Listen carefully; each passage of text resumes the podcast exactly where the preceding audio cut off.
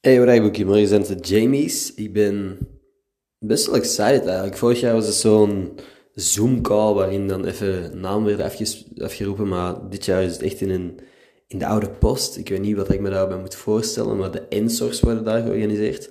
Ook een event dat ik eigenlijk nooit heb gekeken. Ik weet niet, wie is er iemand die een Ensor gewonnen heeft? Huh? Geen idee. In ieder geval, het heeft mij lang de eerste keer dat ik van de Jamies hoorde, dacht ik dat dat gebaseerd was op de naam van Jamie 6.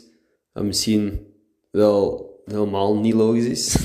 Toen ben ik erachter gekomen dat Jamies van James Ensor is en dat Jamie dus de afkorting van James is, of toch koosnaam, I don't know hoe het wil noemen.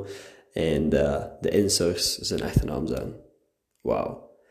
Ik klink moe omdat ik heel moe ben. Ik heb vandaag ook veel te lang nagedacht over als ik nu blaf tegen een hond, is die hond dan in de war van holy fuck, Ender kan praten? Dus iets waar ik eigenlijk te serieus over nagedacht heb.